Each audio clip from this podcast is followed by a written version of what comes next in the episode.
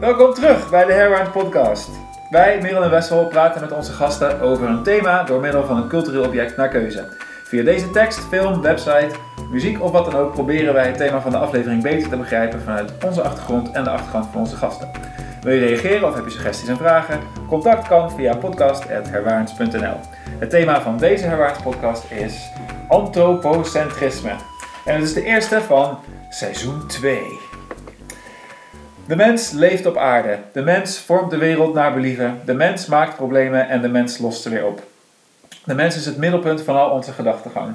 Hier worden echter steeds vaker vragen bij gesteld. Er is een verschuiving van de mens als centraal naar de mens als onderdeel van het systeem waarin het leeft. Problemen als de pandemie en klimaatverandering overstijgen niet alleen het niveau van individueel voorstellingsvermogen, maar ook menselijke controle. Ondertussen vervalt ook steeds meer het beeld dat mensen uniek in staat zijn tot bijvoorbeeld taal, empathie en zelfbewustzijn. Waarom staat de mens nog steeds centraal in ons wereldbeeld? Is het tijd om de mensen van hun voetstuk te halen? De gasten vandaag zijn Renske, historica en klassica, evenals in aflevering 6. Hallo. En Merel, maar niet de vaste Merel, maar Merel. Hallo. Merel is student literatuurwetenschappen in Utrecht en schrijft op het moment haar scriptie over de perceptie van boerderijdieren in Nederlandse literatuur. Maar vaste Merel is er ook. Yes. Hallo, nou dan heeft iedereen ook zijn woordje gedaan. En uh, niet vaste Merel, gastmerel hadden we bedacht dat we het zouden noemen, mag beginnen. Wat is jouw object en uh, wat heeft dat te maken met antropocentrisme? Ja, um, mijn object is een theoretische tekst van Giorgio Agamben, een Italiaan. Um, het is een tekst uit het boek The Open Man and Animal, mocht je het opzoeken, maar het komt ook in de show notes, begrijp ik. Wat? Dus dan kun je daar nog uh, eventueel lezen. Um, het gaat over de anthropological machine, de antropologische machine, I guess in het Nederlands. Um, en heel kort gezegd is dat het systeem dat het, uh, het arbitraire onderscheid tussen de mens en dier uh, constant in stand probeert te houden in, de, in menselijke maatschappijen. Um, en uh, dat is eigenlijk een beetje wat het is. Maar ik ga um, even kort door de tekst van Agamben heen, omdat hij een uh, heel leuk en goed voorbeeld geeft um, van de antropologische machine. Zijn voorbeeld is de wetenschapper Haeckel uit 1899, die The Problem of All Problems probeert uh, te onderzoeken. En dat is het ontstaan van de mens, maar dan wel via de evolutietheorie. Dus zijn grote vraag was: hoe zijn we toch uit apen voortgekomen, zeg maar. Um, en eigenlijk is zijn grote aanname dat de mens een mens is vanwege de mogelijkheid tot taal. Dat maakt de mens de mens. Uh, en dat dieren dus uh, niet de potentie voor taal hebben, want dan zouden alle dieren ook eventueel mensen kunnen zijn. En dat is niet zo, want dieren en mensen zijn anders. Dat is de, de aanname. Um, dus dieren kunnen geen taal, maar toch zijn wij op een of andere manier van een dier gekomen. Dus hoe kan dat nou toch? En dat uh, noemt Haeckel dan, uh, of tenminste dat was in die tijd de, de grote missing link in de evolutietheorie. Um, en Haeckel heeft toen bedacht uh, een dier-aap, dus niet een, oh sorry, een, een aap-mens, dus niet een mens-aap. Um, en dat is eigenlijk de evolutiestage van de mens zonder taal. Dus dat is dan specifiek niet een aap met taal die dan de mens werd, maar een mens zonder taal die dan de mens werd. Want als het een aap met taal zou zijn, dan zou dat betekenen dat dat een aap was die eigenlijk ook een mens is. Um, nou, je hoort het al, het is een, het is een hele vreemde manier van redeneren. Um, en dat laat Agamben ook zien, dat um, het eigenlijk gewoon niet helemaal klopt en dat er een best wel een grote uh, paradox in zit.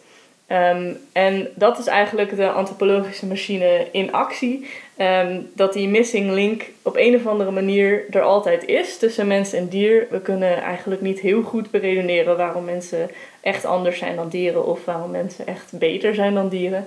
Maar we willen het wel heel graag.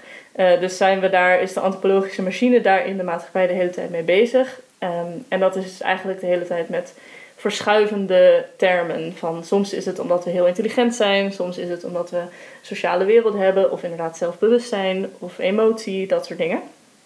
Um, en wat ik persoonlijk heel interessant vind, dat Agamben niet per se doet, um, maar dat ik wel bijvoorbeeld in een scriptie ga doen, uh, is aantonen dat de antropologische machine in die zin niet alleen tussen mens en dier bezig is, maar ook tussen dier en dier. Dus dat sommige dieren ook beter zijn dan andere dieren.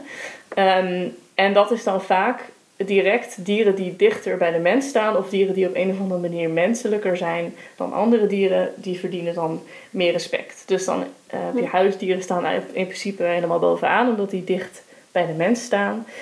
En eh, elk ander dier, zoals bijvoorbeeld boerderijdieren, dat is natuurlijk mijn eh, expertise op dit moment, ehm, die verschuiven soms dichter bij de mens als ze worden vergeleken met dieren of met mensen. Dus bijvoorbeeld een varken is nog slimmer dan een hond. Nou, dat trekt een varken ineens veel dichter bij de mens. En dan komt, ontstaat er ook vaak een soort verwarring van, oh, maar wat betekent dat dan voor hoe wij varkens behandelen? Ook dingen zoals uh, koeien hebben een best wel uitgebreid sociaal leven en hebben ook vrienden en vinden bepaalde andere koeien leuker dan de andere in de kudde. Um, dan trek je die weer dichter bij de mens in, in termen van zeg maar, sociale leven en dat soort dingen. Of dat koeien bijvoorbeeld verdrietig zijn als een kalf wordt afgenomen. Nou ja, dan krijg je dus die, um, die verwarring, maar de, omdat de missing link elke keer niet wordt gedefinieerd, zorgt dat ervoor dat de maatschappij eigenlijk nog steeds wel met een, in een redelijke comfort kan zeggen dat de mens toch uh, beter is en hoger staat. Dat is eigenlijk een beetje de antropologische machine. Ja. Wat, ik, oh. wat ik grappig vind, uh, of interessant vind, is dat ik zie dat vaak ook, zie je dat in documentaires, dat ze willen zeggen van, oh ja, taal, dat is wat de mens onderscheidt. En het is elke keer ook weer iets anders. Bijvoorbeeld het maken van vuur. Dat is wat de mens onderscheidt. Van de, dus we zoeken elke keer. En elke keer komen we er ook weer achter dat het onderscheid eigenlijk helemaal niet zo uh, zwart-wit is. Want sommige niet-menselijke dieren hebben ook taal. En oh, oh, dat kan dus niet het onderscheid zijn. Dus het walvisprobleem. Ja, walvissen ja. hebben duidelijk een, een taal- en communicatiemiddelen, alleen wij begrijpen het niet per se ja. 100%. Of uh, nee, wij, wij zijn degene die gereedschappen maken. En dan zie je dat, volgens mij, uh, kraaien maken hm. ook uh, gebruik van, voor zijn het. ook van gebruik. Dus elke keer st stokje op het onderscheidende wat de mens is. Terwijl als we even vanuit de mens kijken, wat we dus gewend zijn om te doen als mens, dan denk je, ja, maar we zijn toch wel echt anders. Wij zitten hier in een huis en dat. Dus het gaat ook om definiëren van wat is een huis, wat is taal. Wat ik eigenlijk met je wil zeggen is dat het onderscheid mens-dier, dat dat een, een ideologisch construct is. Een beetje net zoals geld, van het, het is er en het is het is relevant, maar alleen omdat wij bepaald hebben dat het relevant is. Ja, zeker. Het is ook niet alsof je kan zeggen van, uh, oh, geld is ook problematisch, dus daar houden we gewoon mee op. Of, of de distinctie, in ja, dit stadium. Ja. De distinctie tussen mens en dier is problematisch, dus daar houden we mee op. Omdat we inderdaad dus ook eigenlijk gewoon de aarde op heel veel manieren hebben gedomineerd. Dat, hm. dat hoor ik jou ook zeg maar zeggen van ja, we zijn toch ook anders, want we hebben ook... Ja, dat, dat, maar dat is natuurlijk, zeg maar, dat is het, het moeilijke waar we tegenaan lopen is... Als je zeg maar kort denkt, dan denk je, ja, maar kijk dan, zeg mhm. maar. Ik, ik wijs nu naar mijn woonkamer. uh, en, en als je daar goed over na gaat denken, dan valt dat, stukje, dat puzzelstukje elke keer weer uit elkaar. Uh, ja. Dus eigenlijk die missing link van de aap, aapmens. Ja, even kijken hoor. Ja, ja aapmens. Ja. ja. Dat, uh, eigenlijk wat Agamben aantoont, als ik het goed begrijp vanuit jouw verhaal, dat ja, we proberen het elke keer te zoeken, maar het bestaat eigenlijk gewoon niet. Nee, omdat... klopt. Wat is een woonkamer anders dan een veredeld hol? Ja, precies. Waar ja, af en toe wat leuke shiny dingen in Nou, er zijn van die uh, paradijs... Ik wil niet allemaal voorbeelden gaan doen, maar ik vind het altijd heel vet om te zien namelijk. Van, er zijn van die paradijsvogels en die maken ook echt een heel mooi versier, versierd bouwwerkje met uh, verschillende kleuren uh, die ze dan uitkiezen. Dus uh, ze decoreren hun eigen kamer. En tijdens de pandemie zijn we allemaal een beetje cave goblins geworden. ja. ja, we gaan niet terug naar de goblin, goblin core uh, dingen hoor. de goblin core. okay. ja. Maar voor, de, voor die lijst aan dingen hebben we nog meer die op dat lijstje stonden. Want taal hebben we al genoemd, vuur maken, gereedschap gebruiken, sociale ja. netwerken. Emoties, uh, empathie, emoties, empathie, zelfbewustzijn. Ja. Ik heb kunstbesef kunst en een godsbesef. Ja. Dat is ook wel een traditionele. Ik heb ook wel die, want de dominering heb ik ook wel gehoord. Maar dan, ik heb ook wel eens iemand horen zeggen, ja, er zijn meer mieren op aarde dan mensen. En die hebben ook heel ingewikkelde netwerken. Die zullen ook wel denken dat ze de aarde en zo. Ja, er is ook een theorie dat uh, gras de mens domineert. Oh ja, ja, ja precies, zulke soort dingen. Ja, dus, Maar ja, voor dat lijstje hebben we nu dus een heleboel, maar eigenlijk geen één daarvan werkt dus. Omdat er altijd een soort... Uh, het, het, onderscheid kan je altijd weer op, de, op een andere plek onderuit halen of zo. Ja. Maar ik vind het wel grappig dat een machine impliceert een soort reflex, alsof dit gewoon is wat we doen. Maar schrijft ook allemaal ook iets over waarom dit gebeurt? Of zeg maar, verklaart hij waar het vandaan komt of niet? Ehm, nou ja, het, het, niet echt. Dat zegt allemaal in ieder geval niet in deze tekst. Ehm, maar het, het idee is denk ik vooral dat het een soort van angst is om eh, gelijk te zijn aan, aan alle andere Hmm. eh, dingen op aarde. Omdat wij natuurlijk in die, als stel dat dat zo zou zijn, dan zijn we ethisch gezien natuurlijk ontzettend slecht bezig. Ja. En ik denk dat dat ook wel een beetje, bijvoorbeeld, we willen wel gewoon vlees blijven eten of we willen gewoon naar de dierentuin kunnen en dat soort dingen eh, willen we dan voorkomen om daarover na te denken, omdat dan ons hele wereldbeeld wel erg gecompliceerd Ja. wordt, zeg maar. Maar is het, is het niet ook. ehm, de, de- hoe zeg je dat? Een instinctief. Dus je, je kijkt altijd vanuit jezelf. Je hebt altijd je eigen blik. En als we de mens als goed nemen, dan kijk je vanuit de mens. Want dat ben jij, zeg maar. Nou, het klinkt net ook heel erg als een soort zelfdefinitieproces. Van wie Ja. zijn wij eigenlijk? Ik bedoel, de, Ja. een van de oudste vragen van de mensheid is: ah, waar komen we vandaan? Oké. Maar ook waarom, waarom zijn we hier? Van Hmm. wat maakt ons anders dan anderen? En je ziet dat ook dat dat tussen verschillende menselijke groepen zich afspeelt. Mhm, ja. En wat je dan krijgt is een, een concept van zelf en ander. Ja. Ja. Ehm, dus ik denk dat dat er ook een rol bij speelt. Een soort, ja, een soort De- neiging om onszelf als Ja. uniek te zien. Of dat nou onszelf als mensen is. Of eh, neem ook nationalistische processen bijvoorbeeld. Ja, Wat en ook maakt eh, ons- bijvoorbeeld het feministische A is de man en de vrouw is niet A. ja, Eh, en dat is denk ik ook. Ehm, ik denk inderdaad dat het een, een instinct is dat je vanuit jezelf denkt en dus dat je automatisch jezelf in het centrum plaatst. Maar het moeilijke daarvan is, is als je bijvoorbeeld naar zo'n wetenschapper kijkt als Hekel, dat het eh, heel vaak echt uitgebreid beredeneerd wordt. Hm. Ehm, en daar zitten we dan met al onze reden en intelligentie ehm, om nog steeds op een of andere manier onszelf bovenaan te kunnen Ja, het is een soort. ik kom even niet op het woord. Ehm, defense, een, een verdedigingsmechanisme. Ja, denk ik wel. Ja. Maar wat je dan dus krijgt is dat je eindigt met nee, er moet één vast moment zijn geweest dat de dier in de mens openging, overging. In plaats van dat we het proces overzien van oké, misschien zijn die verschillen er wel.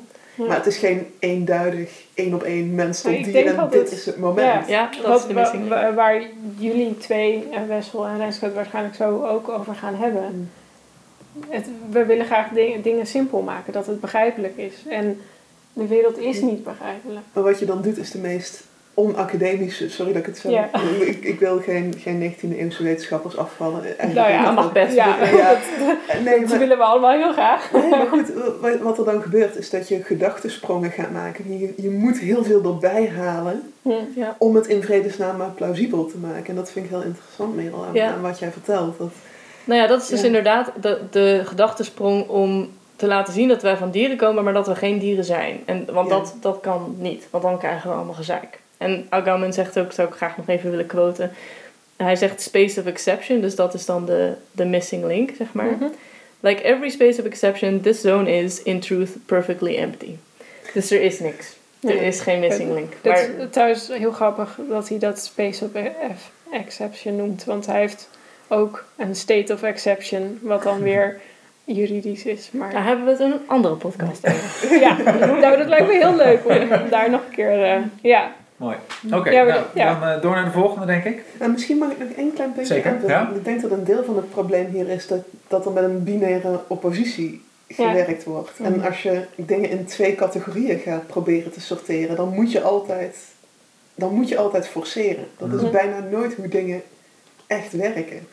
Dus ja, ik vind het een heel interessant kader om inderdaad verder mee te praten. Maar ik denk Ja. dat het ook eh, eh, logisch is dat het binair moet zijn, want anders kom je inderdaad in een, een soort ethische knel terecht. Dat je zodra je zegt van nou, maar eigenlijk zijn dieren best wel hetzelfde als mensen, dan kun je ze niet meer op dezelfde manier behandelen, tenzij je toch nog bepaalde punten vindt waarop je dat niet kan doen. Maar dan krijg je weer het hele probleem dat je dan bepaalde mensen ook niet op die manier zou mogen behandelen of zo. Als in, als je bijvoorbeeld zegt, ja, eh, het zit hem aan eh, of je, je je omgeving helemaal kan veranderen. eh, Met architectuur en zo. Ja, als je dan volken neemt die niet per se op die manier werken of die nomadisch zijn of zo. Of baby's.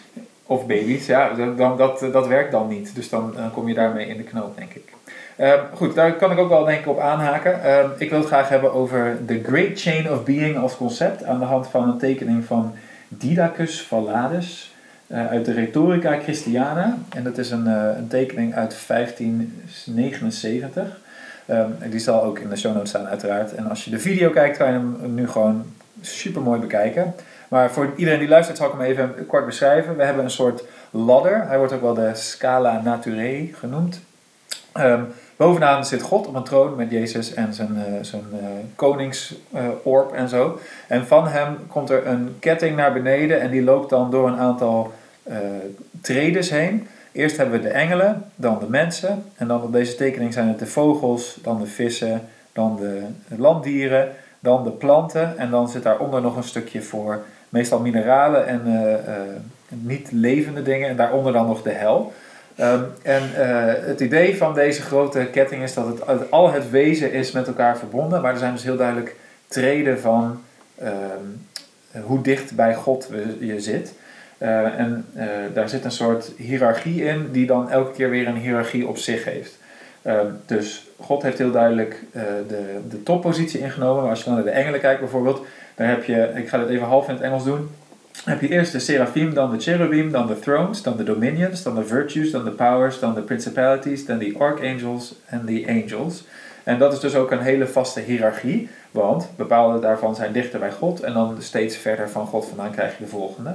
Bij mensen zijn dat vaak de standen dan, dus je begint met de koning, dan de edelen, dan de ridders, dan de christelijke, dan de boeren en dan eventueel de uh, uh, handelsklassen nog. Uh, en zo kan je dat dus bij alles doen. ik denk ook dat dat heel erg nog vast verankerd zit in hoe wij naar de natuur kijken en naar de wereld kijken. En dat is eigenlijk wat ik graag even wil laten zien. Dat ik nu allemaal dingen ga noemen waarvan je denkt, ja, ja, zo zien we dat nog steeds wel een beetje. Want bijvoorbeeld, als we kijken naar de koning van de dieren, dan is dat... De, De leeuw. Ah, heel braaf allemaal, heel goed, ja. En uh, wat is de, de, de meest uh, verheven boom? De eik. De eik, ja. En wat is de meest verheven steen? Beginnen we, met edel, beginnen we even met edelstenen. Een diamant. Een diamant. En dan als we puur naar steen kijken, wat is de mooiste soort steen waar je alle tempels van wil maken? Marmer. Ja, oké, nou goed. En het idee is steeds van al deze onderscheiden dat je steeds kunt zeggen, ja, de hoogste heeft allemaal eigenschappen en de laagste heeft die eigenschappen allemaal niet meer. Dus God heeft bijvoorbeeld de ratio en liefde en voorstellingsvermogen. En die heeft ook nog veel meer dingen, maar dan ook als eh, eh, aparte dingen natuurlijk de alwetendheid en de alaanwezigheid enzovoort. En engelen hebben dus ook reden en liefde en voorstellingsvermogen, maar niet de, de omni-set. Ehm, en daaronder hebben je mensen, die zijn natuurlijk geketend aan het fysieke. Ehm, maar ze hebben ook reden en ook voorstellingsvermogen en bewustzijn. Maar wat ze dus bedelen met de dieren die onder hen zitten is animatie. En ze hebben zintuigen en ze kunnen zich voortplanten en ze kunnen groeien.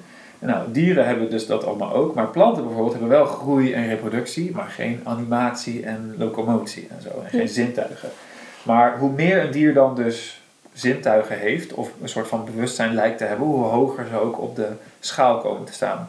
En omdat dit een soort uh, neo-Platoons idee is, zitten hier allemaal uh, weer driehoeken en schema's en uh, vierkanten in. En is natuurlijk allemaal weer gekoppeld aan de elementen. Dus op deze tekening zijn de vogels boven de vissen, boven de landdieren. Want vuur is het hoogste element, dan lucht, dan water, dan aarde. Ehm, dat is niet altijd zo. Die chain wordt af en toe een beetje omgegooid. Ehm, maar in ieder geval, daar zit steeds dus die, die hiërarchie heel nadrukkelijk in. Uh, Plotinus is een van de mensen die het hierover heeft gehad, oorspronkelijk, uit uh, de tweede eeuw na Christus, sorry, derde eeuw na Christus, afhankelijk van wanneer je het pakt. En hij heeft een mooi citaat over de Great Chain of Being, uh, waar God dus inderdaad helemaal bovenaan wordt gezet. En dat is, The one is perfect because it seeks nothing and possesses nothing and has need of nothing. And being perfect, it overflows and thus its superabundance produces an other. Je had het net over de ander en de zelf. Dus eigenlijk uit de eigenschappen van degene boven je in de ketting, zeg maar wat daar een soort van naar beneden zijpelt, krijg je de volgende rang. Dus dat betekent ook dat als we even teruggaan naar hoe jij het net had over de, uh, die, die rangorde soort van, uh, Merel, dan mogen wij dieren dus ook behandelen op zoals we willen, want wij staan boven de dieren. Net zoals een koning de onderdanen mag behandelen zoals hij wilt, want hij staat boven de andere mensen. Wat een heel aparte machtsperceptie is overigens. Ik bedoel, je zou zeggen, alles dat onder je staat moet je beschermen, maar dat werkt in de praktijk nooit helemaal zo. Nee, nou niet, niet uh, binnen, binnen dit idee van het is ons gegeven door God natuurlijk inderdaad. Nee, het is nee. een, een, een heilige orde. Uh, hier is het ook besloten dat het dan dus de best mogelijke wereld moet zijn, want ja, alles wat dan uit het goede voortkomt en dan iets minder goed is misschien, kan zo naar beneden sijpelen, maar ja, het, Ja. het komt allemaal uit het heilige. En dat betekent dus ook dat je er niks aan mag doen. Daar zit die heilige orde dus heel erg in. Ja. En dus hoe je dieren ook behandelt, als we het even specifiek naar de boerderijdieren halen bijvoorbeeld. Ja, dat is hoe het is. Want dat, zo komt het allemaal voort uit, uit het. eh, Ik, het ik moet nu denken aan, dat heb ik al een keer eerder genoemd in een podcast, eh, hoe ehm, de Manava Dharma Shastra, dus de tekst waar ik mijn PhD over deed, ehm, hoe die het kastensysteem legitimeert in van zo is het bedacht door de goden inderdaad. En Ja. het is een, eh, daar zij nemen dan een mens en dan is het, eh, de benen zijn deze kasten en het hoofd is het natuurlijk de hoogste kasten. En zo, eh, dat is inderdaad door God of door de goden ingegeven. En zo is het nou eenmaal. Ja, Dus dan, dan valt er nou niks meer tegen het kastsysteem in te brengen. Ehm, omdat het, dat is hoe de wereld in elkaar zit. ja, Terwijl dat natuurlijk heel duidelijk iets is wat die tekst is geschreven door de Brahmanen, de hoogste kasten. ja. Eh, Ja, het is een natuurlijke orde. Dat wil ik ook graag even benadrukken. Want daardoor zit het ook dus zo dat... Dus dit is hoe het hoort. Dit is hoe het gaat. Dit is hoe het is aangereikt. En als je daar tegen ingaat, dan ga je dus tegen de natuurlijke orde in. ja, Het is grappig dat zich dat dus ook op het fysieke niveau van één mens laat doortrekken. Want Ja. wij zijn, je hebt eh, best wel wel eh, rangordes. Ja, Ja, het hoofd staat dus ook letterlijk en figuurlijk ja, boven de rest van het lichaam. ja. Dus het, het hoofd hoort boven de maag te gaan, bijvoorbeeld. Ja, Dat- Daar zitten de zintuigen natuurlijk en het bewustzijn. Terwijl Ja. lager zitten dan de, de lagere, eh, meer dierlijke functies van het Ja. lichaam. Ja. Exact. Ja. ja, en de ide- identificatie gaat via ons hoofd, Ja. de pasfoto. Het is ook zo grappig, er is een, eh, een Romeinse variant waar eh, de, de adel van de stad Rome niet het hoofd is, maar de maag. Want dan is de Romeinse bevolking aan het klagen dat ze alles opeten en opconsumeren, maar eigenlijk niks duidelijks doen. En dan, eh, dan zegt de Senaat, eh, zegt van ja, eh, ja, maar jongens, als wij, als wij niet meer verteren, dan verhongert de rest van het lichaam. Ja? Heel, Ja, ja. Slim gespeeld, ja. ja, good, good call guys. Ja, maar net een andere variant daarvan. Dus. Het idee van die natuurlijkheid is ook wel interessant, omdat het is natuurlijk, dit was in 1500 nog wat, dus dan Ja. is dat natuurlijk net anders. Maar als jij suggereert dat dat nog steeds, en dat is ook nog steeds heel erg aanwezig in, in de maatschappij nu, terwijl eh, heel veel manieren waarop wij dieren behandelen helemaal niet meer natuurlijk te noemen zijn. Dan is er natuurlijk misschien geen natuurlijke manier om dieren te behandelen, maar ehm, dat wordt nog steeds aangehaald, bijvoorbeeld dat, dat een, een boerderijdier hebben, eh, of voor productie en voor consu, consu, om te consumeren. Dat, dat is een natuurlijke orde van dingen. Ja, doen. precies. En Ja. ook Ja, al ja. doen we dat dan in een fabriekscapaciteit, het is nog steeds een uitvoering van het natuurlijke. Het is ook een juridische term. Ik bedoel, een, een dier kan bezit zijn, chattel in vrij, vrij letterlijke zin. Nou hebben we dat een hele tijd ook met mensen gedaan natuurlijk. Dat, Ja. eh, laten we dat vooral niet vergeten. Maar dieren zijn nog steeds in, in juridische zin bezit. Ja. In veel gevallen. Het, het eh, interessante aan die chain of being is, is dat je met jouw uitleg al laat zien dat die verouderd is. Omdat het, het, het eh, systeem koning, eh, wat zei je nog meer, adelen. Ja, eh, ja, oké, het- het bestaat in sommige delen nog wel, maar ook weer niet. En dat, het was een, een, een systeem wat we op een bepaald moment in de geschiedenis hadden. ja, en ik denk ook dat we nu bijvoorbeeld, want je zei, want je zei ook iets van soms dan, ver- dan wisselen de treden. ja niet, niet in, in de theorieën erover, zeg maar. Dus er zijn ook eh, theoretici die hebben dan de landdieren hoger gezet dan de vogels, omdat landdieren dichter in de buurt komen van menselijkheid. Ja, maar dat, dat, dat geeft, dat, dat laat met- meteen de, de, hoe zeg je dat?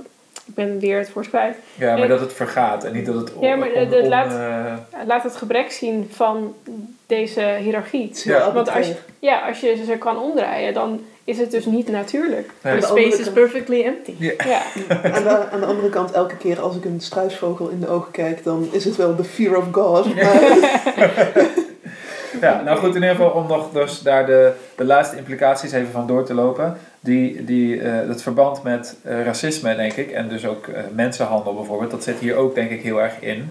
Want er wordt natuurlijk heel vaak een taal gebruikt van depersonificatie als het gaat over mensen die, waar je macht over kunt uitoefenen. Want dan zijn het honden of varkens of ratten of wat dan ook. Omdat dan zijn ze dus verder van God verwijderd en dus heb je er macht over die je ook op een natuurlijke wijze mag uitvoeren. En dat zeggen niet alleen koningen natuurlijk, maar kan een hele bevolking dan zeggen, waardoor ze relatief een trapje hoger staan dan de rest van hun stukje hiërarchie, zeg maar. Vandaar ook de term chattel slavery. Ja, ja, precies. Ja, inderdaad. Ja. En die missing link die komt trouwens ook uit de theorie hierover. Dat was, dit, dit liep voor een deelte in de verlichting samen met de studie van evolutie. En dat ze dus ook zochten, ja, wat is dan de link tussen deze twee stukken van de ke- keten, zeg maar. Ehm, ik wil nog even een tekst noemen die eh, dit jaar is uitgekomen. The Great Chain of Being Come Undone, Linking Blackness in Animal Studies. En dat is een, een verzamelartikel, ik zal ook even naar verwijzen in de notes. Waar eh, dus inderdaad een parallel wordt getrokken met hoe er over dieren wordt gepraat en hoe er over zwarte mensen werd gepraat en nog steeds ook wordt gepraat. Met datzelfde taaltje van dit zijn, ze, ze missen dus een aantal van die eh, kenmerken die, die eh, of ja, mensen hoger in de hiërarchie dan wel hebben. Zodat dus ook gerechtvaardigd wordt, want dat is de natuurlijke orde, dat je ze op een bepaalde manier kunt behandelen. Hm.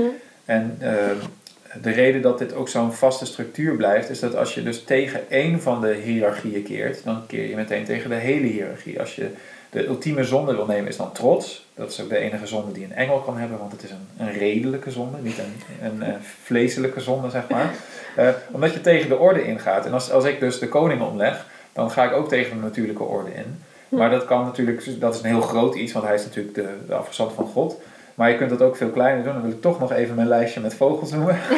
Want er is een eh, idee van in de valkerij dat elke rang, en dat zijn er dus echt iets van 14 of zo, hun eigen vogel hebben. Dus de keizer mag een arend, gier of merlin, kon ik niet zo'n goede vertaling van vinden, gebruiken als jachtvogel. Een koning een giervalk, een prins een een rotsvalk vrouwelijk, een hertog een rotsvalk mannelijk. Nou goed, en dan komt er een hele lijst. Op een gegeven moment kom je bij een havik en de lannervalk en de sperwer en de torenvalk. Maar dat betekent dus ook dat zodra iemand die een priester is, die dus een vrouwelijke sperwer mag gebruiken, als die net een stapje hoger gaat en een havik gebruikt, is dat dus net zo'n zonde van trots tegen de natuurlijke orde in, als dat je de koning zou vermoorden. Misschien iets minder extreem. Ehm, maar zo hou je natuurlijk ook vast aan die, die rigide eh, hiërarchie. Eh, en dat is natuurlijk voor een machthebber over een groep perfect. Want wij mogen voor altijd doen met varkens wat we willen, zolang je hier maar in blijft geloven. En ook dus niet hoeft te denken aan, maar wat nou als ze ook echt pijn voelen? Ja, dat is eigenlijk helemaal niet aan de orde, want ze zijn Hm. toch minder waardig. Het is ook een beetje, het doet me heel erg denken aan een, eh, een theoretisch kader dat mensen, ook als ze zelf helemaal niet goed behandeld worden, dat het ze altijd op de een of andere manier troost biedt als er altijd nog iemand onder hen staat. Ja, en dan kan ik me voorstellen dat eh, de link tussen ehm, bijvoorbeeld critical race theory en, en animal studies, dat dat ook voor, voor ehm, scholars of color, dat dat niet altijd even goed ligt en dat dat best een complexe verhouding is. ja, Ehm, maar je ziet ook wel parallellen van mensen die bijvoorbeeld het economisch heel erg zwaar hebben, maar Ja. zolang ze maar een andere bevolkingsgroep onder zich kunnen plaatsen, dan, hebben, dan zijn ze in elk geval nog beter dan iemand. Ja. Zo klinkt het een beetje. ja, en daar zit ook het idee in van een soort natuurlijkheid of zo. Ik heb het misschien slecht, maar ergens onveranderlijk zit er toch iets dat ik in ieder geval verheven ben boven een heleboel andere mensen. En dat gaat nooit ook veranderen of zo. En zodra je daaraan gaat morren, dan valt alles een beetje van zijn plek. En Ik dan moet wordt nu dan krijg je denken aan- moeilijke vragen. Wat we altijd zeggen over eh, mensen die pesten.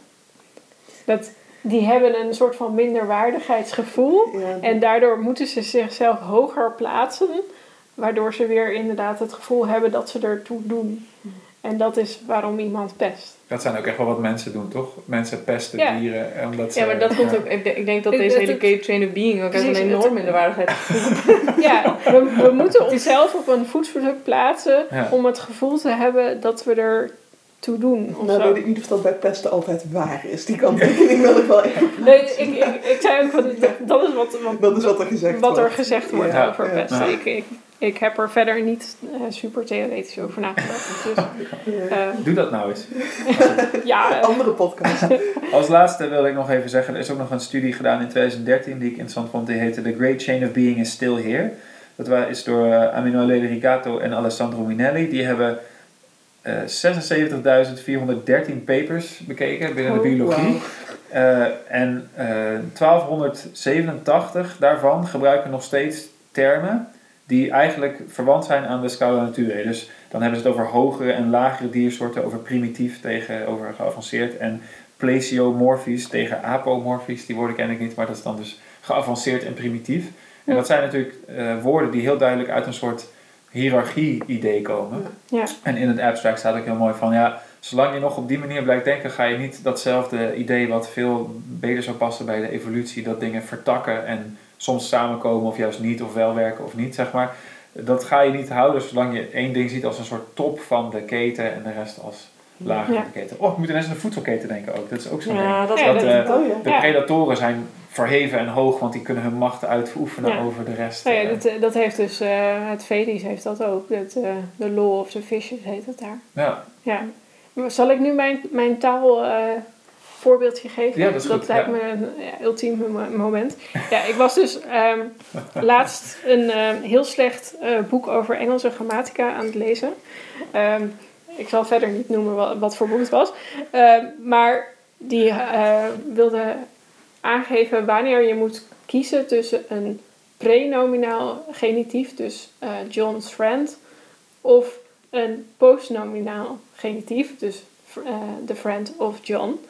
En ehm, de eerste factor daarin, die ging om ehm, hoe eh, menselijk, dus of hoeveel ehm, animation een eh, dier heeft. Dus alles wat menselijk heeft, is een prenominaal genitief. John's friend.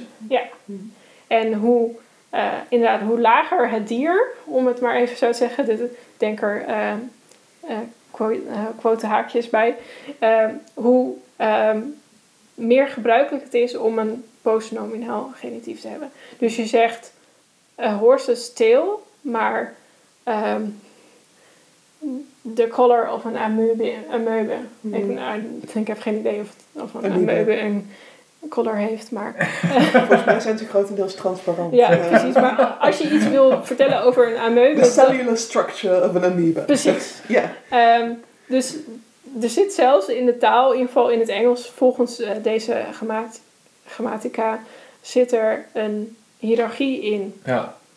ja, interessant hè. Want ik heb dus het heel erg het idee dat deze chain of being een soort van in mij, terwijl ik dat er natuurlijk nog nooit van gehoord had, heel lang. Maar dat ik Hm. toch het idee heb als je op de basisschool komt en zegt wat is de koning van de dieren. Dat iedereen dat weet. Ja. En dan zegt wat is de koning van de vogels. Weet ook iedereen of zo. Terwijl dat helemaal niet onderwezen wordt of zo. Maar er zit een soort gevoel in voor wat het hoogste is of zo. Hebben we dat nog met vissen? Oh ja, dat is wel een goeie. Wat is de, wat is de koning van de vissen? Ja, ik zou de witte haai zeggen, maar Ja. dat is gewoon omdat ze cool zijn. Kabelpalingen. Dat zal wel heel- Palingen zijn ook cool. Palingen zijn vet. Ja, maar dit is niet de koning van de Nee. vis. Ik Nee, denk, welke dan? ja, ik zou dus de witte haai Ja. zijn. maar Ja, Ik heb wel haaien, ja. Zij zei de, de dolfijn. Oh, Want die is Van namelijk intelligentie. heel intelligent. Ja, maar ik Of de walvis. Ja. Maar ja, dat, Dat- weten we dat- natuurlijk nu dat geen vis is, dat mag dan niet meer. Maar goed, destijds. Side note, ik vind dolfijnen intentionisten, maar dat ligt waarschijnlijk aan mij. Ja, al die associaties met eh, eh, bepaalde sociale activiteiten waar ze ook in... eh, Dat, ja, dat, ja. Wat ik overigens ook heel interessant vind aan, aan die Great Chain of Being is dat ik zou zeggen dat dit, dit, dat dit iets is dat met eh, reden en met theorie en echt diep nadenken en academica en zo verdwijnt. Dus dat we dit op een gegeven moment gaan onderzoeken en dat we dan denken, oh, dat is eigenlijk slaat nergens op. Ja. En ook bijvoorbeeld met de seculaire staat, dat we, dat we nu in principe niet meer denken, of in ieder geval niet meer grotendeels denken dat er een God boven ons staat en dat er engelen zijn. Ja. Ehm, Er en zijn eh, voor het eerst meer ongelovigen dan gelovigen in Nederland. Dus Ja, eh, hoor, actueel moment. Dat, eh, Ja, precies. En, en dan toch dat je dus al die artikelen hebt die dan de taalgebruik nog gebruiken. Maar ook, ik denk dat het vooral inderdaad het gevoel is waar iedereen een beetje mee wordt ja. opgevoed. En ehm, Het is, het is inderdaad weer zo'n sociale structuur die zo verankerd zit dat het heel moeilijk is om, er, om eruit te krijgen. en dat is precies Ja. de anthropological machine. Hey, Hey. dat is zo mooi. Nou, dit lijkt me het einde van het hoofdstuk. ja. Oké, dan gaan we door naar het volgende hoofdstuk van Renske. Ja, dankjewel. Ehm, ik moet er meteen even bij zeggen dat ik eh, niet zozeer een mening over dit onderwerp heb, maar wel diverse ideeën. Ehm, dus ik, eh, ik, ik heb iets meegenomen. Ik, ik denk graag eh, aan de hand van fantasy. Want ik vind dat fantasy dat helpt vaak om net een beetje distantie te nemen van een onderwerp en om ja, op die manier net een beetje vanuit een andere hoek te kijken. Eh, dus het object dat ik heb meegenomen is ehm, Fantastic Beasts and Where to Find Them eh, van J.K. Rowling. In dit geval eh, het, het kleine boekje dat aansluitend bij de Harry Potter serie is uitgegeven. Nou kunnen we tegenwoordig van J.K. Rowling en de Harry Potter serie vinden wat we willen. Ehm, dat is niet waarom ik het heb meegenomen. Eh, ik heb het meegenomen omdat er eh, in Fantastic Beasts and Where to Find Them ehm, heel interessante ideeën over het verschil tussen mensen en dieren naar voren komen. En ik wil daarbij ook even reclame maken voor een andere podcast, als dat mag. Eh, want ik heb hier heel veel over geleerd dankzij de podcast Witch Please. Die een, kritische analyse van de Harry Potter serie doen vanuit diverse academische theoretische kaders, waaronder Animal Studies. Ehm, dat kan ik heel erg aanraden. Nou, waarom heb ik nou Fantastic Beasts and Where to Find Them meegenomen? Daar staat namelijk expliciet een hoofdstuk in onder de titel Wat is een dier? Dus je moet je voorstellen, het is een soort fictief lesboek voor de kinderen in, eh, in de Harry Potter wereld. En die zouden dit boek dan gebruiken voor hun studie van fabeldieren. Nou, vandaar de vraag, wat is een dier? Ehm, en daarin wordt de vraag gesteld, we kunnen ons met recht afvragen, welk van deze schepsels is een wezen? Met andere woorden, een schepsel dat aanspraak kan maken op rechten en een stem in het bestuur van de magische wereld. En welke een dier? Dus we hebben hier niet zomaar een onderscheid tussen mensen en dieren, maar daar staat nog iets tussen, namelijk wezens. En wezens die eh, kunnen dan ook inspraak hebben in bestuur en op rechten, interessant genoeg. Hm. En in dat hoofdstuk wordt dan verder ook beschreven dat daar in deze fictieve tovenaarswereld uh, ook discussie over is geweest. Uh, namelijk dat er eerst werd uitgegaan van uh, de, het vermogen om taal te gebruiken. Hm. Maar dat leverde problemen op, want sommige hoogst intelligente wezens die waren niet goed verstaanbaar of hadden een tolk nodig. Dat Ehm, is interessant. dat is heel interessant, inderdaad. Ehm, terwijl andere minder intelligente wezens gewoon een paar zinnetjes geleerd hadden, maar eigenlijk helemaal niet begrepen wat er aan de hand was. Ehm, Het is echt wel pijnlijk. Man. Ja. Ja. het is enorm pijnlijk. En uiteindelijk wordt de definitie dan dat eh, een wezen is elk schepsel met voldoende intelligentie om de wetten van de magische gemeenschap te kunnen begrijpen en mede zorg te dragen voor de vormgeving van de voorgenoemde wetten.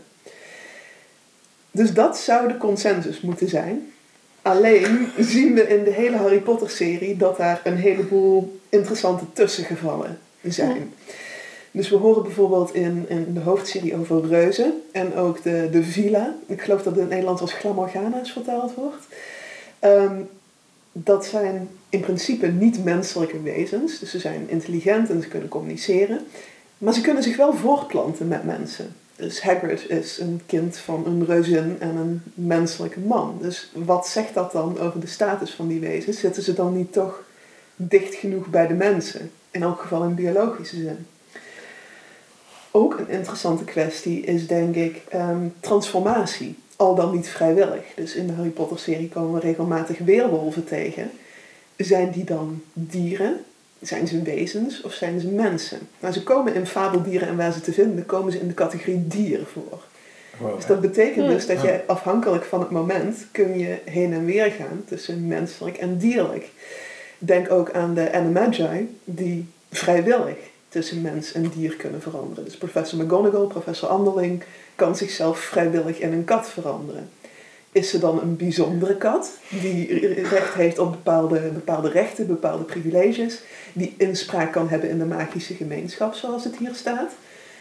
Of is ze gewoon een kat? Hm. Dus daar begint het al heel erg moeilijk te worden. Wat ook een heel interessante is, is de positie van de centauren en de meermensen. Die waren oorspronkelijk onder die magische wetgeving, waren ze gekwalificeerd als wezens, want ze waren intelligent en ze konden meedenken over wetgeving. Maar in diezelfde categorie zaten ook duistere wezens, zoals vampiers en feeksen, en daar wilden zij niet mee geassocieerd worden. Dus ze hebben vrijwillig afstand gedaan van hun status als wezen, om vervolgens dier te worden. En ze staan dan ook in fabeldieren en waar ze te vinden, eh, staan ze als, eh, als dieren. En het interessante is dat eh, elk dier in dit boek krijgt een gevaarclassificatie. Dus hoe voorzichtig moet je met die dieren omgaan.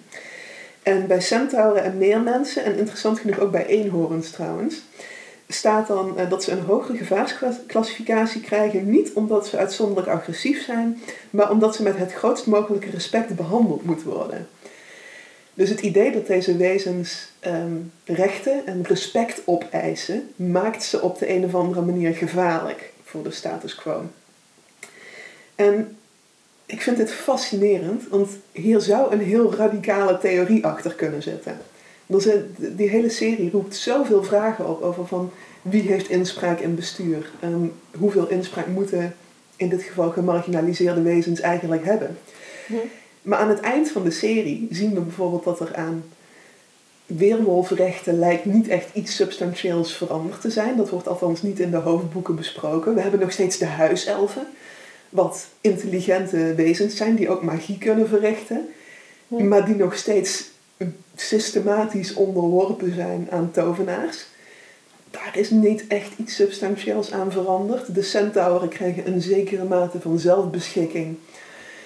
Maar dat is het dan ook een beetje. Ze krijgen hun eigen territoria. Eh, ook niet voor niks is er wel een verband gelegd tussen ehm, ja, de manier waarop centauren gecodeerd worden als bijvoorbeeld Native Americans. Dat is een, een connectie die door onderzoekers ook wel gelegd is. En je zou zeggen, van als je zoveel vragen oproept in je serie, dan zou je verwachten dat op het moment dat de grote conservatieve schurk verslagen is, dan zou dat dus moeten veranderen. Maar dat doet het eigenlijk in de serie niet. En desondanks eindigt de serie met alles was goed. All was well in, in de oorspronkelijke versie.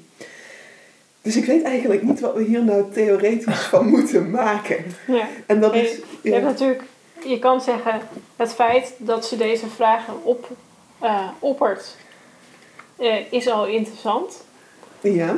dat is het. Ja, ik, ik, ik, ik, ik ga even opties af. Eh, je, Ja. je, je kan zeggen, als je het oppert, dan moet je er ook, dan kan, dan kan je er een soort van catharsis moment van maken. En je zou En er- verwachten dat het een thema zou worden, toch? Ja. Dat, ja. En, eh, want ik, ik ken de Fantastic Beasts, de films eigenlijk niet goed. Ik heb alleen de eerste gezien, moet ik Oké. bekennen. Want ik, dan, dan is het een interessante vraag, hoe, hoe doet ze daar? Zeg maar? Hoe wordt het Wat daar? ik eh, van de eerste heb gezien, zijn de dieren vooral een vrij schattige gimmick. Die Ja. eens in de zoveel tijd terug naar hun natuurlijke habitat gebracht moeten worden. Maar Hm, verder niet echt een indicatie dat daar iets overbrugt dat lijkt me wel een gemiste kans. Ja, dat zou je zeggen. Ja. Ja, het interessante daaraan, het is een kleine side note, is dat natuurlijk in Fantastic Beasts, in die films, eh, heeft, die, heeft de hoofdpersoon een koffer. Een beetje zo'n Mary Poppins idee, waar dan eh, waar Mhm. ontzettend wijdse valleien in zijn, waar al die dieren rondhuppelen. Maar eigenlijk zitten ze altijd gewoon in zijn koffer, maar. Dus hoe vrij ben je dan werkelijk? Nou, en hij wordt ook wel, als ik me goed herinner, een beetje gekarakteriseerd dat hij de goede persoon is, omdat Hij die dieren dat is, dat fatsoenlijk... is Ja. Ja. de, de fictieve schrijver van dit boek. Ja, precies. Ja. Ja. Eh, Newt Scamander. En hij is dan wel de goede tovenaar, omdat hij dieren wel met respect behandelt op Ja, hij redt ze en dan stopt hij ze in zijn koffer. Ja, wel met heel veel ruimte. Dus heel veel liefde in Maar je moet ook aan. Pokémon denken. Dat je denkt, Ja. oh ja, dit zijn de helden die mensen opsluiten, of de Pokémon opsluiten in zo'n balletje en dan tegen elkaar laten vechten. De Pokémon is Ja. horrifying. Ja, dat. Maar goed, er zit wel dus ook een heel natuurlijke orde in, denk ik. Die, die Ja. eigenlijk een soort van... eh, ze gebruikt de taal van eh rechte bewegingen wel. Maar er Ja. zit een orde in die eigenlijk... Dus de, de centaurs bijvoorbeeld, Mhm. die, die hebben wel een soort stem hierin. Maar het is niet zo dat het, dat het echt verandert of dat er echt iets eh, aan de, de grote keten eh verandert Nee, het is, het is eigenlijk een soort, ehm, een, een soort rechten door onttrekking aan het systeem. Dus Ja. er is voor centauren niet echt een manier om binnen het systeem hun positie op hun manier te handhaven. Ehm, en het is ook wel heel interessant dat er dan op dat juridische kader nog verder wordt ingegaan. Ehm, dus inderdaad, dan worden de centauren genoemd en dan wordt er gezegd... Weerwolven worden al jarenlang van het kastje naar de muur gestuurd... door de afdelingen dieren en wezens op het ministerie van toverkunst. Ja. Ehm, want eh, op het moment van schrijven kent de afdeling wezens een ondersteuningsgroep weerwolven... terwijl het weerwolfregister en de vangsteenheid weerwolven... onder verantwoordelijkheid van de afdeling dieren valt. Dus op het moment dat iets problematisch wordt, dan is het een dier. dan is het een dier. Ja, Op het moment dat het Ja, dat inderdaad, niet is, fascinerend. Ja. is het een wezen. En ja, eh, Ik zie nu ook al mooie links naar mijn boek, maar ja, eh, ga ja. verder. Nou, eh, wat ik ook heel interessant vind, is dus dat worstelen met criteria. Wat dus wel Ja. nadrukkelijk aan de orde komt. Dus taal wordt als optie afgewezen in, in deze fictie. Ja. Maar intelligentie en begrip voor wet, met name, Ja. is dan het nieuwe criterium dat Ja. geopperd wordt. Maar daar loop je dus tegen het probleem van de centauren aan, die wel de wetten en regels kennen, getuigen de, de andere Harry Potter boeken. Ja, maar niet Maar voornamelijk die van hunzelf. Ja. Ja, ik zou, wat, wat hier de ultieme oplossing voor zou kunnen zijn, die wel een beetje eng is, maar dan zou je kunnen zeggen, magie is het onderscheid. Dat zou een soort van de menselijke ziel kunnen zijn. Maar je zei al, huiselfen kunnen dus ook magie gebruiken. magie. En, En ik weet niet hoe dat met de andere eh, wezens zit. En dan heb je weer de, Wat is de, magie? de muggles versus de wizards. Precies. eh, Ja, maar dat, dat zit heel erg al in Harry Potter, Ja, toch? Dat in ieder geval de tovenaars denken van wij zijn een, nou niet een verheven volk of zo, dat begint wel heel erg narcistisch te klinken, maar, nou maar ja, een soort ja. van wij zijn, wij zijn het, zoals de mensen in de Great Chain of Being, zeg maar het verkozen volk zouden kunnen zijn. Mm. En de rest eigenlijk niet. Maar dat werkt niet bij de wezens. Nee, want het zijn nadrukkelijk fabeldieren. Dus Ja. het zijn allemaal magische wezens. Het zijn geen katten en honden en egels en En dat is ook nog interessant. Dat het, eh, eh, ze, de, alle muggeldieren worden dus erbuiten gelaten. Die, Ja, nou ja, katten en uilen en zo zijn een beetje een vraag, want die, Nee. die fungeren wel in de magische wereld. Dus Ja. dit- dit, dit komt van de Witch Please podcast, die een soort D&D alignment chart hebben gemaakt. Ehm, van eh, mens, mensachtig en dier op de ene as en dan magisch, niet magisch en in between, ambigu eh, Ja, ja, ja, in het midden. Ehm, dus ja, een van de vragen die zij stellen, hoe zit het dan met uilen? Want tovenaars hebben duidelijk een bijzondere band met uilen, maar Ja. uilen dan magisch of niet?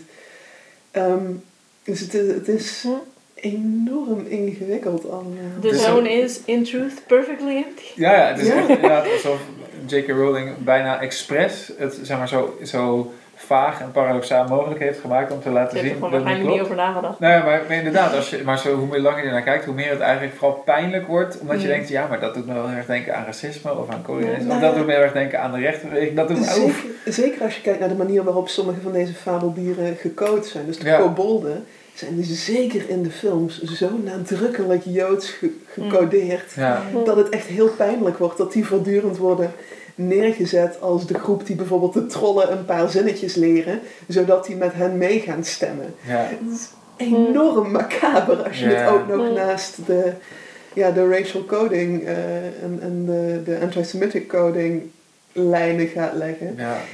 Ik weet niet of dit bewust is, in alle eerlijkheid. Daar kan ik niet voor spreken of ze dit bewust heeft opgezet. Als het bewust is gedaan, zou ik verwacht hebben dat er aan het eind, als Voldemort verslagen is, dat dan bijvoorbeeld eh, de, ehm, de, het juridisch stelsel van de kobolden, wat in het laatste boek best wel een rol speelt, met name waar het bezit Ja. betreft, ehm, dat dat erkend zou worden. Ja. Dat daar erkend wordt dat het niet alleen de wetten van tovenaars zijn die belangrijk zijn, maar dat kobolden daar ook belangrijk in zijn. Ja. Dat, Ja, het lijkt mij met J.K. Rowling zo vaak, even een korte noot hierover, dat, dat zij gewoon iets geschreven heeft waar ze in principe niet zo in zoveel diepte over na heeft gedacht.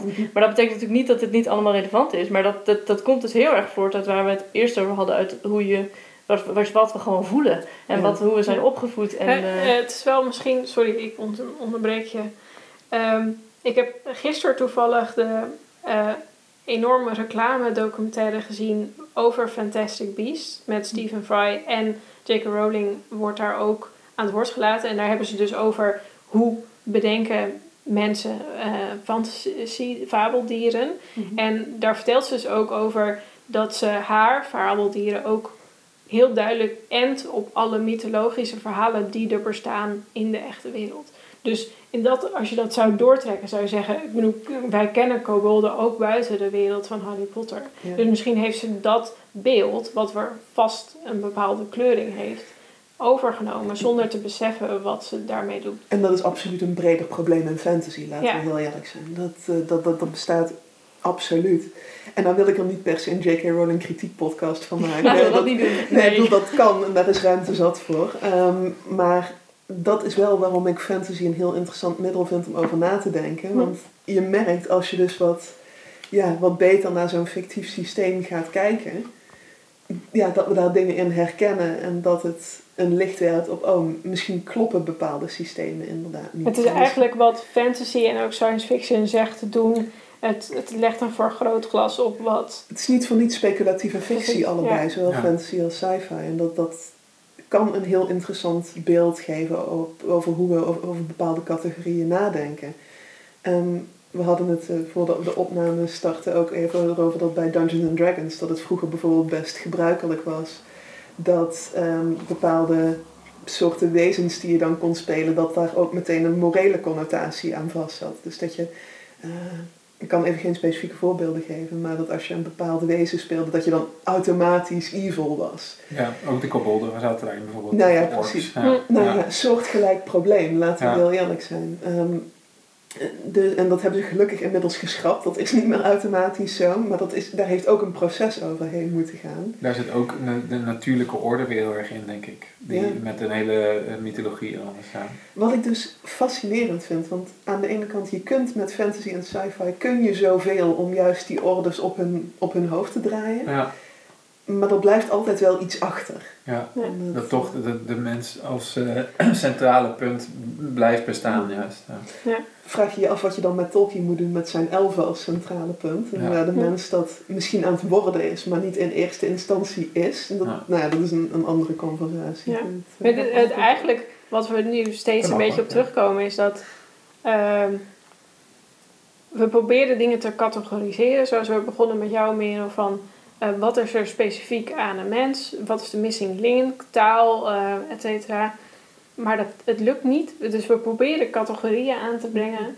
Maar ja, de wereld is niet te categoriseren. De wereld is, nou ja, niet in één categorie in elk geval, Nee. laat ik het zo zeggen. Je, je zult altijd meerdere frameworks naast elkaar moeten leggen om de wereld te bekijken. En ja, soms kom je er dan denk ik inderdaad achter Ja, dat... en het is gewoon ook een stuk ehm messier dan, Ja, ja. dan die mooie categorietjes. Soms, het is eh, niet voor niks dat we in, in heel veel rechtenbewegingen veel meer in spectra aan het denken zijn. Precies, ja. en, en in de verschillende geleidende schalen in plaats van in aparte hokjes.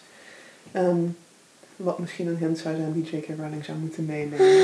Ehm, maar als ik Als ze hier toch naar luistert, ja. als ze toch luisteren is en ze verstaat onverhoopt Nederlands. Dan, eh, ehm, maar misschien kan ik nog wel, want we hebben het nu vooral over dieren gehad in de Harry Potter serie. Maar je hebt ook nog ehm, met planten een soortgelijk Oh ja, probleem. laten we die ook nog even doen. Ehm, want misschien eh, mensen die de, in elk geval de films kennen, die herinneren zich misschien wel in, eh, in de tweede film de, de Mandragora's, de Mandrakes.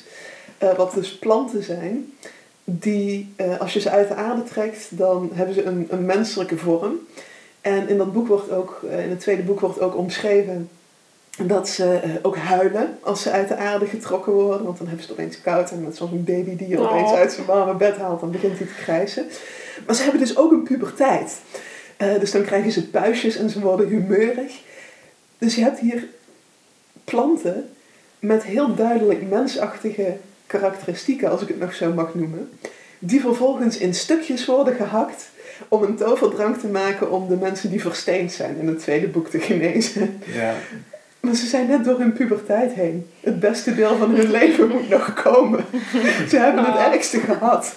Ehm, dus het is niet alleen met dieren dat je, dat je in, in de Harry Potter wereld tegen problemen aanloopt, maar dus ook met, met planten. En ik dacht dat jij daar een bruggetje Ja. voor had, Merel. Ja, of wilde jij nog wat zeggen? Ehm, ja, dat is een heel goed bruggetje. Eh, ik wilde het namelijk hebben over eh Barskins van Annie Proulx. Zeg ik dit goed? Ik weet het nooit zo goed. Het klinkt goed. Oké. Ehm, want we hebben het inderdaad nu heel veel gehad over dieren. Maar in deze Great Chain of Being bestaan er ook nog planten. Ehm, en dit boek is volgens mij ja, het is een fictief verhaal. En het eh, begint in de 18e eeuw met de koloni- kolonisatie van eh, Canada en Amerika. En er gaan twee Franse mannen gaan naar Canada. Eh, die worden daar te werk gesteld eh, met, bij een man. En ehm, het werk is het kappen van het bos. Ehm, en wat in het begin heel erg is van ja, dit bos in Canada en in Amerika. ehm, ja, in Europa hebben we dat niet meer, maar hier zijn ze oneindig. Dus ze kunnen niet opraken. En dit boek is heel erg moralistisch of didactisch. Dus het heel, heeft heel duidelijk een boodschap over hoe wij eh, Europeanen of Westerse mensen omgaan met eh, de bossen. Ehm, en de twee mannen die dus in het begin van het verhaal te werk worden gesteld, die gaan eigenlijk twee richtingen op. De ene die gaat, eh, die krijgt een, een Indiaanse familie, Indiaanse familie of een inheemse familie. En de ander wordt eigenlijk het toonbeeld van het kapitali- kapitalistische houtkap eh, systeem. En The man. ja, Eh, hij wordt ook, eh, hij heet zoals een Fransman, maar hij verandert zijn naam in Duke. Niet Duca, dat had ook nog gekend als hij Nee. zo kapitalistisch is. En ehm, ik heb, ja, het, was een heel, het is een heel dik boek, dus ik heb er één quote uitgehaald die wel goed zegt. Dus dit, dit is ook in de hoofdstukken van Duke. En dan hebben ze het dus over, van nou, we zijn bezig met ons houtkapbedrijfje en dat moet natuurlijk groter worden en we moeten meer geld verdienen. En eh, wa- wat ligt ons nou in de weg? En dan is het de Indians, that is our problem. Dus het wordt meteen met de Native Americans ehm, samengetrokken. Um, the Indians do not use land correctly because of their role roaming and hunting. As the Bible tells us, it's, our, it's a duty to use land. And there's so much here that one can do what one wishes and then move on. You cannot make the Indians understand that the correct use is to clear, till, plant, and harvest, to raise domestic stock, to mine or, or make timber. In a nutshell, they're uncivilized and unchristian. Nou, dat is echt een heleboel en er pakt natuurlijk een heleboel bij elkaar. Maar ja. So we've got a lot to unpack here. ja. En, eh, eh, maar eigenlijk wat het boek een beetje dus eh, zegt en wat het eh, ook letterlijk dus citeert in de hoofdstukken van de Duke, dus van de kapi- kapitalistische eh, meneer, is God heeft de christenen de wereld gegeven, of de, de mens is, de wereld is voor de mens om te gebruiken. Dus het juiste wat je moet doen met een bos, is het kappen. Eh, en er dan eh, boerenland van maken en het hout eh, gebruiken om er schepen van te bouwen of zelfs gewoon houtskool van te maken. Ehm, en ja, hij, ze koppelen dat ook dus aan het feit dat Indianen echt totaal geen idee hebben wat ze met een bos moeten doen. En er wordt dan natuurlijk later, dan zie je de gevolgen van de houtkap en dan wordt er ook gesproken over erosie en nou ja, wat er allemaal nog meer verloren gaat als je een bos kapt. Namelijk het hele ecosysteem. Een soort van, ja. Ja, en het eindigt dan dat de, de afstammelingen zowel van de, de ene meneer als van de ander eh, samen weer gaan herplanten. Wat nou natuurlijk eigenlijk super ironisch is. Maar, ehm, eh, maar ja, dan, ja ik, ik moest echt vrij letterlijk huilen na dit boek. Omdat ik dacht, oh, we hebben zoveel kapot gemaakt. Hoe gaan we in godsnaam... Godsnaam. ja, precies. Hoe gaan we in godsnaam dit weer, dit, dit weer herstellen? Maar dat is misschien voor een eh, klimaatdiscussie eh, podcast. Ehm, Dat citaat dat je net voorlas doet me ook echt extreem denken aan Ayn Rand. Met haar, haar hele idee van, ja, natuurlijk is het oké om land van de Native Americans af te pakken, want ze hebben er toch letterlijk niks mee gedaan. En, eh, nou, Ja, zij en- een stukje verder dan dat. Maar, Ja. ja, wat ik ook, daar moest ik net aan denken. Ehm, over ja, van de, van de, als ze gevaarlijk worden, dan zijn het dieren. oh ja, ja. Ehm, Ik zat in ieder geval ook nog te denken dat eh, volgens mij heel duidelijk het beeld wat er ontstaat uit onze lezing van deze teksten, namelijk dat de mens zien als een onderdeel van het systeem in plaats van een soort van het centrum van het systeem. eh, wordt heel mooi la- laten zien in het uiteindelijke plot dat het helemaal misgaat als je mensen dus soort van hun gang laat gaan en denken dat ze alles maar kunnen gebruiken of zo. Dat heel duidelijk de effecten daarvan ja, op de lange termijn zeg maar, onontkenbaar zijn. Ja, Dus dan moet het systeem wel veranderen van een mensgecentreerd systeem naar een mens als onderdeel van een groter geheel. ja wat, wat de indianen dus goed hadden begrepen. ja, ja, ja, precies. Ja. Maar ik wil niet meteen het nobele wilde idee... Nee. Maar komen we dan eigenlijk niet toch op een onderscheidende factor van de mens uit, namelijk het vermogen om zoveel schade aan te richten? Ik bedoel, Niet dat dat iets inherents aan mensen is per se, want het Mm. is ook denk ik echt wel mogelijk om dat te voorkomen. ja. Maar dan heb je toch nog een verschil tussen mensen en dieren opeens. Of, Nou, dit is, dit is toevallig iets wat ik, wat ik net nog wou noemen toen jij het over Tolkien had. Maar Ja. ik dacht, dat is misschien een heel can of worms die we dan opentrekken. Maar ehm, dat is een heel interessant idee. Met, eh, want wat Tolkien heel erg doet, is dat een mens... Of tenminste, dit, ik heb Tolkien niet heel veel gelezen. Dus correct me if I'm wrong. Maar in mijn idee met de films van Lord of the Rings in ieder geval... is de mens echt een hele destructieve kracht. En is het eigenlijk een, bijna een soort van zelfhaat tegenover de mens... die hij een beetje promoot. Ehm, en dat is eigenlijk eh, ook een vorm van antropocentrisme. Want het idee dat, dat wij eh, als de mens, zeg maar, de aarde helemaal hebben verwoest, dat stopt ons nog steeds inderdaad als een soort van de enige actor in het, eh, in het hele, Hm. in de hele ramp, zeg maar. Nou is het bij Tolkien niet uitsluitend dat mensen per definitie des- destructief zijn. Dat, dat niet per se. En Nee. Zeker in, eh, als je buiten de Lord of the Rings gaat kijken, dan zijn elfen daar bijvoorbeeld en dwergen. En wie dan ook ook perfect toe in staat om, om die chaos aan te richten. Ehm, maar je, je noemde het woord zelfhaat. Eh, Tolkien is wel heel nadrukkelijk bezig met het behoud van de natuurlijke wereld. Ik bedoel, de, Ja, de ents, met name de bomen spelen voor hem een, een Ja, heel zeker. prominente en belangrijke rol. Dus En voor eh, mij, ik weet niet, voor mij was dit in mijn, in mijn onderzoek in de Animal Studies best wel een, een inzicht. Omdat, omdat als, je, als je erg bezig bent in dit veld, dan ben je erg geneigd om te denken: oh, we hebben, we hebben het echt helemaal verpest. En wij als mens moeten eigenlijk helemaal onderaan in de chain of being. En eh, om zeg maar een Ja, soort van anti-hierarchie te maken dat wij het helemaal Ja, niet. Dan maak je dus eigenlijk ook weer een hiërarchie. Precies. Ja. En, en eh, vaak is het ook zo dat als wij degene zijn die alles verpest hebben, dat wij ook de enige zijn die het kunnen oplossen. Ja, dat, En dan stop je jezelf ook in een soort van savior-idee. maar goed, Mm. puur uit praktische zin. Er zal iets moeten gebeuren. Oh ja, dat is, daar ben ik het 100% mee eens. Ja, zeker. Ja, ja, ja. Ehm, en, en dat betekent dat je misschien, ja, of het nou een, een onverdiende savior role is of niet, maar Ja, het is een heel complex. Daarom wist ik ook niet of ik erover moest beginnen. Omdat het, het er zit echt superveel nuance in die ik zelf ook nog niet heel goed begrijp. Maar nou, misschien is dat net ook wel de meerwaarde van deze conversatie. Eh, niet het trekken van vaste conclusies, maar juist, ja, juist het, het bedenken van, jeetje, hoe moeten we hier in vredesnaam mee omgaan? ja. Kunnen we dat soort hiërarchieën überhaupt wel helemaal loslaten? Of zit Mhm. dat zo, zo cultureel ingebed of in het idee van dat we onszelf willen definiëren dat het bijna, ja, ik aarzel om het woord natuurlijk te gebruiken, maar ehm, dat, het, dat het heel moeilijk is om los te laten in elk geval.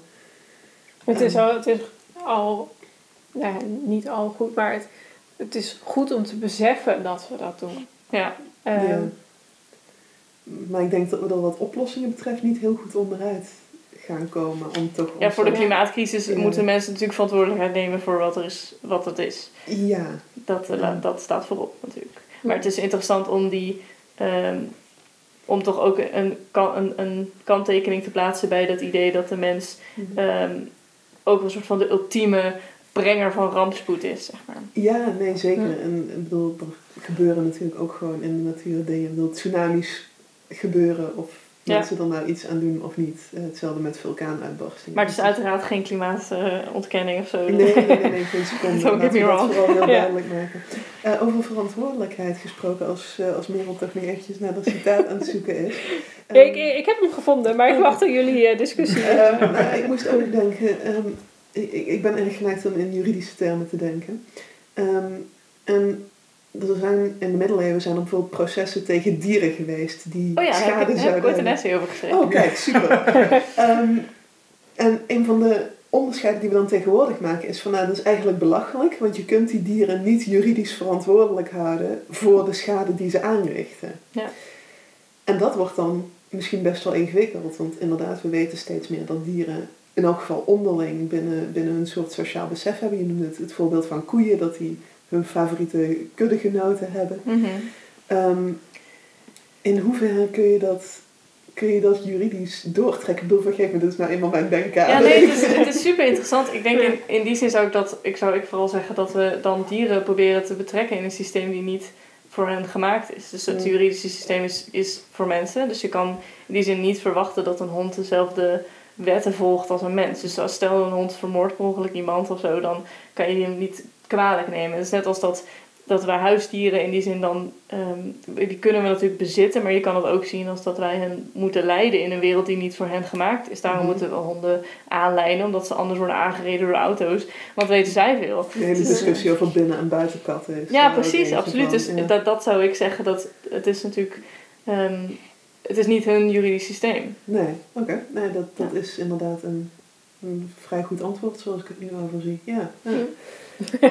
Ja, eh, je hebt het gevonden. ja ik, ik had het gevonden. Ja, dat, eh, waar Renske het net over had. eh, dus wanneer iets gevaarlijk wordt gezien, dan wordt het gecategoriseerd als een dier. Dat doen ze dus hier ook met het bos. Want ehm, het ehm, ik wil weer natuurlijk zeggen, maar het bos wat er stond, Mhm. zeg maar, het oerbos. Ehm, dat, ehm, daar hebben ze het over. Op een gegeven moment gaat eh, de Duke, of Duke is dat op dat moment nog, gaat hij naar China en dan ziet hij een tuin. En dan hebben ze het over de tuin. En dan eh, zegt die, eh, de man die die spreekt, van wie die tuin is... eh, we make gardens to give us the pleasurable illusions of wilderness. Wat natuurlijk super ironisch is.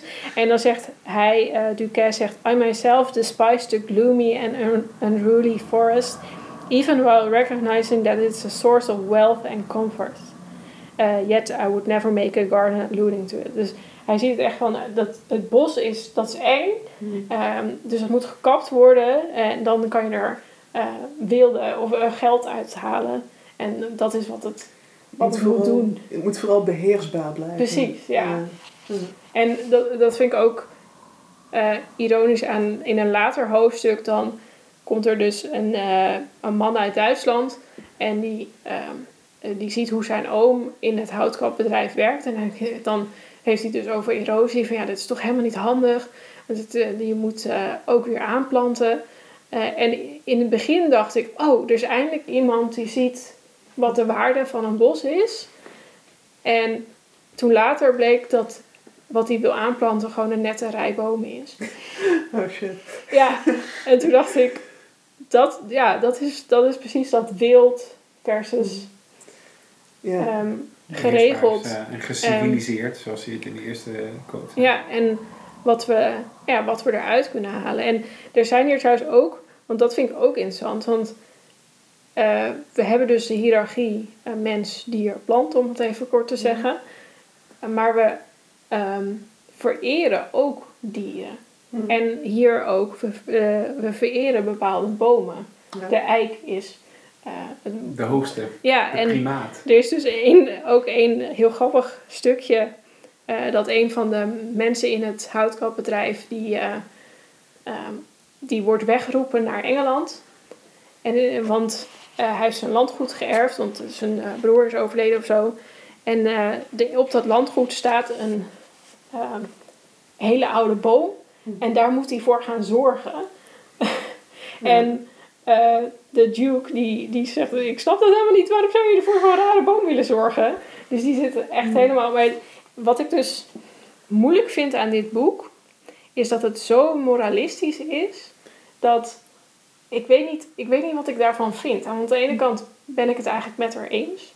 En aan de andere kant legt ze dus de, de schuld heel erg bij het christendom.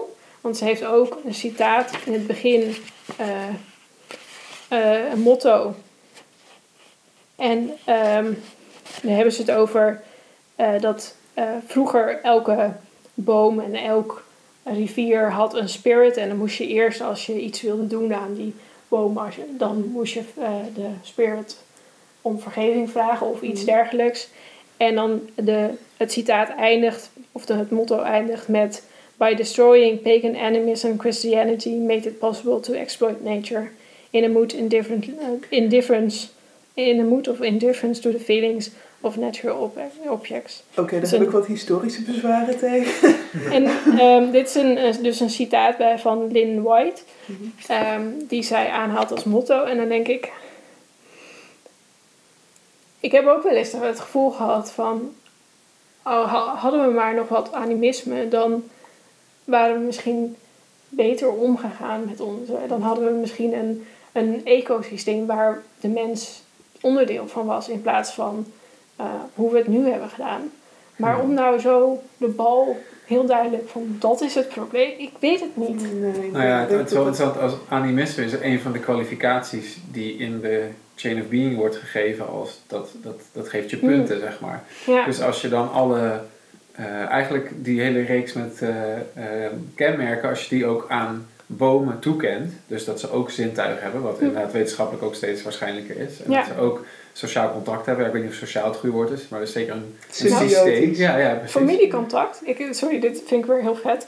Ja. er- er is, ehm, eh, ik heb ergens in, dus wel weer een documentaire, dus ik zeg niet, ik weet niet hoe, in hoeverre dit wetenschappelijk bewezen is, maar Mm. de documentaire zei in ieder geval van wel, dat, ze, dat bomen dus via het, eh, eh, ben het wortelnetwerk bedoel je? Ja, de, nee, en het schimmelnetwerk. Oh ja, Oh ja.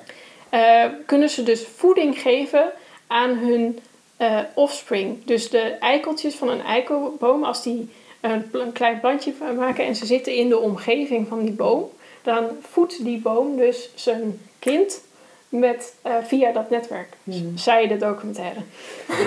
Maar het lastige van dit citaat is dat het specifiek bij het christendom Ja. neerlegt. Ik denk dat dat in de eerste plaats problematisch is. Ja, Ehm, al was, maar kijk, strikt animisme, ik weet niet of je dat bijvoorbeeld op de Romeinen wil toepassen, maar de Romeinen hebben ook gewoon massieve mijnbouw die, als ik het me goed herinner, terug te zien is in, in de ijskappen, dat je daar lage vervuiling van, Hmm. van ziet. Ehm, dus, nou ja, ik, ik betwijfel of dat echt puur een christelijk ding is. Die, die kanttekening Ja. wil ik er wel eventjes Ja. bij maken.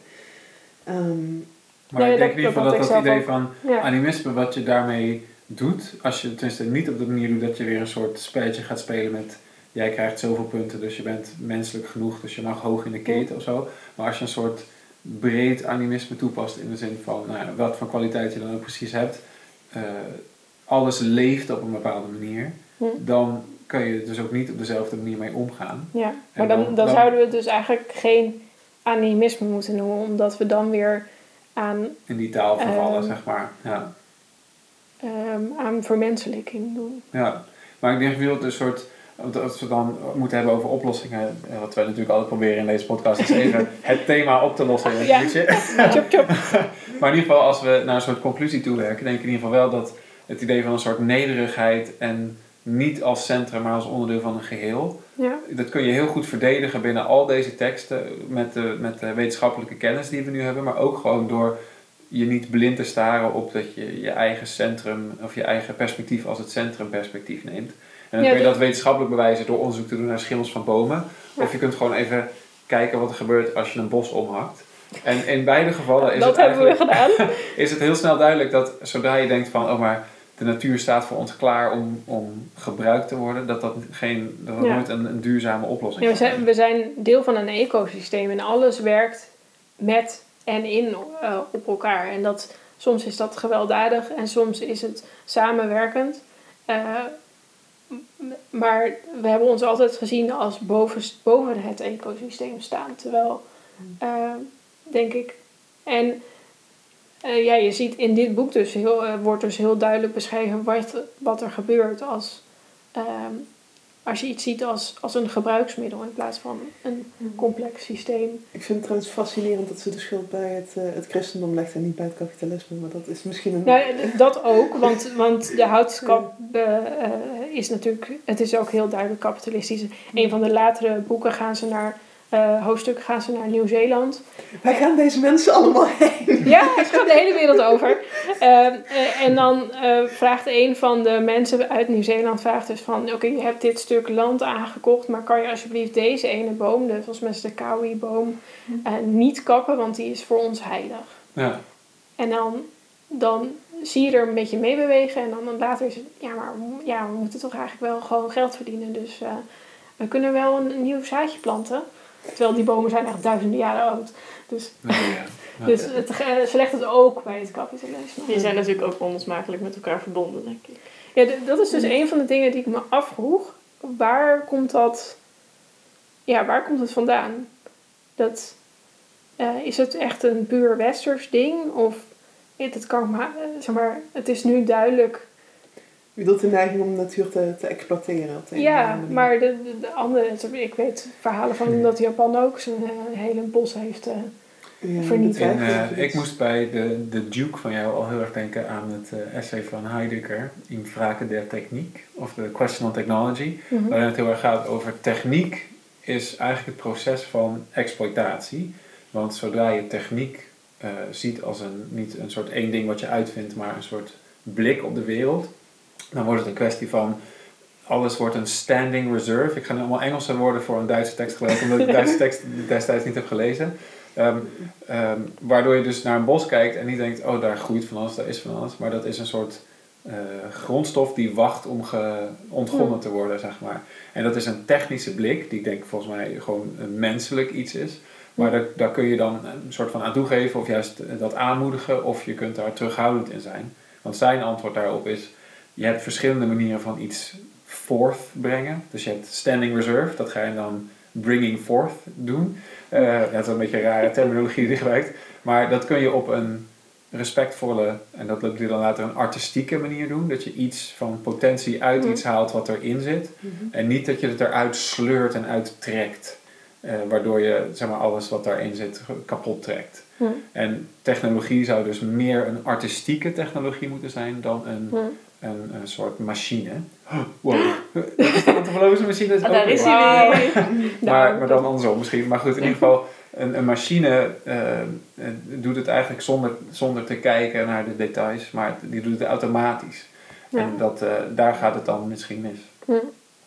Ook een beetje het idee natuurlijk dat de anthropological machine iets doet, iets automatisch doet zonder Ja. te kijken naar de details. Want Ja. zodra je naar de details kijkt, dan is het perfectly empty. Ja, en nu moeten we echt wel stoppen, want dit is een Ja, ik wou hele zeggen, mooie dit- cirkel. Dit Ja. lijkt me echt een perfecte... We moeten onze mond gaan houden. Ja. Ja. Oké, nou mooi. Ehm, nogmaals, voor eh, eventuele reacties of commentaar kan er gemaild worden naar podcast.herwarmers.nl Of ja, vraag het aan iemand die je kent van ons. Ehm, ik eh, denk niet dat wij al een volgend thema paraat hebben nu eh, we Nee. eindelijk na de coronastop weer verder gaan. Het maar, is een verrassingsthema. ja, maar we zijn wel echt, echt weer bezig. Dus eh, dat is heel leuk. Nou, bedankt Merel en bedankt Renske. Ja, leuk. En eh, tot volgende keer allemaal. Doei! Doei!